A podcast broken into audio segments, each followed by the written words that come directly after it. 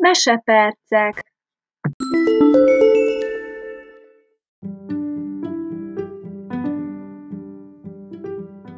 Mentovics Éva Mióta van csillag a karácsonyfák csúcsán? Egyszer réges-régen, egy teliholdas decemberi éjszakán, amikor milliónyi csillag ragyogott az égen, néhány egészen apró kis csillagocska pajkosan játszadozott az öreg hold mellett. Remekül érezték magukat, huncutkodtak, viháncoltak, csintalankodtak. Addig-addig rosszalkodtak, amíg az egyik kis csillagot valamelyik társa véletlenül alaposan oldalba lökte. Bocsánat, nem volt szándékos, mentegetőzött. Segítség! Kapjon el valaki! kiáltotta ilyetten a szegény porul járt csillagocska. Sajnos már senki sem tudott utána nyúlni. Elveszítette az egyensúlyát, és elkezdett zuhanni lefelé. Zuhant, zuhant egyenesen a föld felé. A társai egyre távolabb kerültek tőle. Ő pedig rettenetesen félt, mert ilyen még sohasem történt vele. Lehet-e még annál is rosszabb, hogy lepottyant, és elveszítette a társait? Hosszú ideig csak zuhant, zuhant lefelé. Ám egyszer csak valami érdekes dolog történt, mintha valaki kinyújtotta volna érte a karját. Egy enyhén szúrós zöld valami alányult, és elkapta. A kis csillagocskának fogalma sem volt róla, hogy mi történt. Éppen egy fenyves erdőbe pottyant le. Az enyhén szúrós zöld valami pedig egy hatalmasra nőtt fenyőfa volt. Nem tudom, hogy ki vagy, de kérlek, segíts nekem, hogy vissza tudjak menni a barátaim közé. Könyörgött a kis csillagocska, és olyan kedvesen mosolygott, amennyire csak tudott történtek után. Én vagyok az erdő legöregebb fenyőfája. Recsegte kedvesen az öreg fenyő.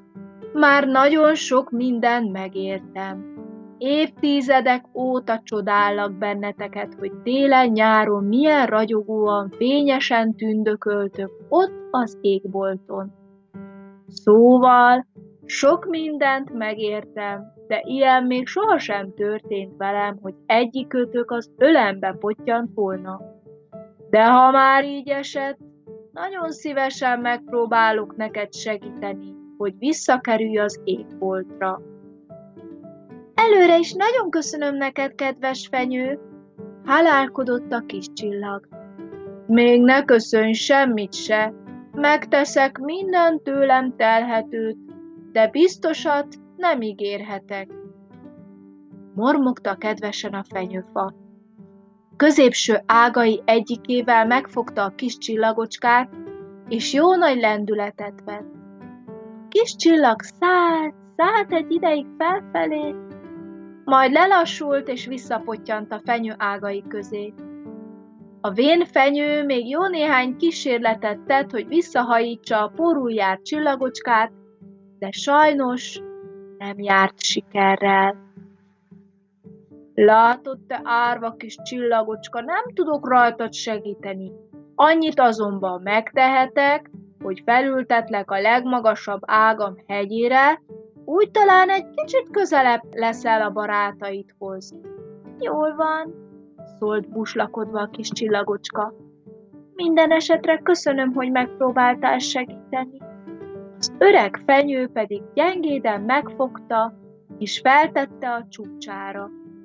Kis csillagocska egy ideig buslakodott, majd lassan beletörődött a sorsába, és elkezdett ugyanolyan fényesen, szikrázóan világítani, mint ott fenn az égbolton. Amikor az égből a társai megpillantották, hogy milyen csodálatosan mutat a kis csillagocska ott lent, havas tájon, a hatalmas fenyőfa csúcsán, nyomban irigykedni kezdtek rá. Nézzétek, milyen jól fest a mi kis barátunk ott azon a szép zöld fenyőfán. mennyivel jobb helye lehet ott neki, mint itt nekünk. Talán még a fénye is sokkal szikrázóbb, mint amilyen korábban volt. Addig-addig csodálták a kis csillagocskát ott lent, a havas fenyőfán, míg nem elhatározták, hogy ők is leugranak. Azon az éjszakán rengeteg csillag hullott alá az égből, hogy egy-egy szép zöld fenyőfa csúcsán folytathassa a ragyogását. Néhány nap múlva favágók érkeztek az erdőbe. Nagyon elcsodálkoztak a látottakon, de egyben örültek is, mert ilyen fenyőfákkal még sohasem találkoztak. Ki is vágták mindegyiket, hogy majd feldíszítve karácsonyfaként pompázhassanak a házakban. Égbolton tündöklő csillagok pedig ámoldozva figyelték, hogy mi történik a faluszéli fenyves erdőben. Elérkezett a karácsony. Minden házban fények gyúltak, és igazi ünnepi hangulat költözött az otthonokba. Az égen ragyogó csillagok kíváncsiskodva tekintettek be az ablakokon. Azonban amit ott láttak, minden várakozásukat felülmúlta. Csillagbarátaik már nem csak egy egyszerű zöld fenyőfa csúcsát díszítették, hanem egy pompásan, csillogóan feldíszített karácsonyfán ragyogtak. Az emberek körbeállták, csodálták, és énekszóval köszöntötték őket. Az égen tündöklő csillagok ekkor határozták el, hogy minden karácsony előtt leugranak egy-egy fenyőfára, hogy nekik is részük lehessen ebben a pompában, és szeretetteljes fogadtatásban. Az pedig, hogy kitérjen ez a megtiszteltetés, minden decemberben sorshúzással döntik el. Azóta díszíti csillag a karácsonyfák csúcsát.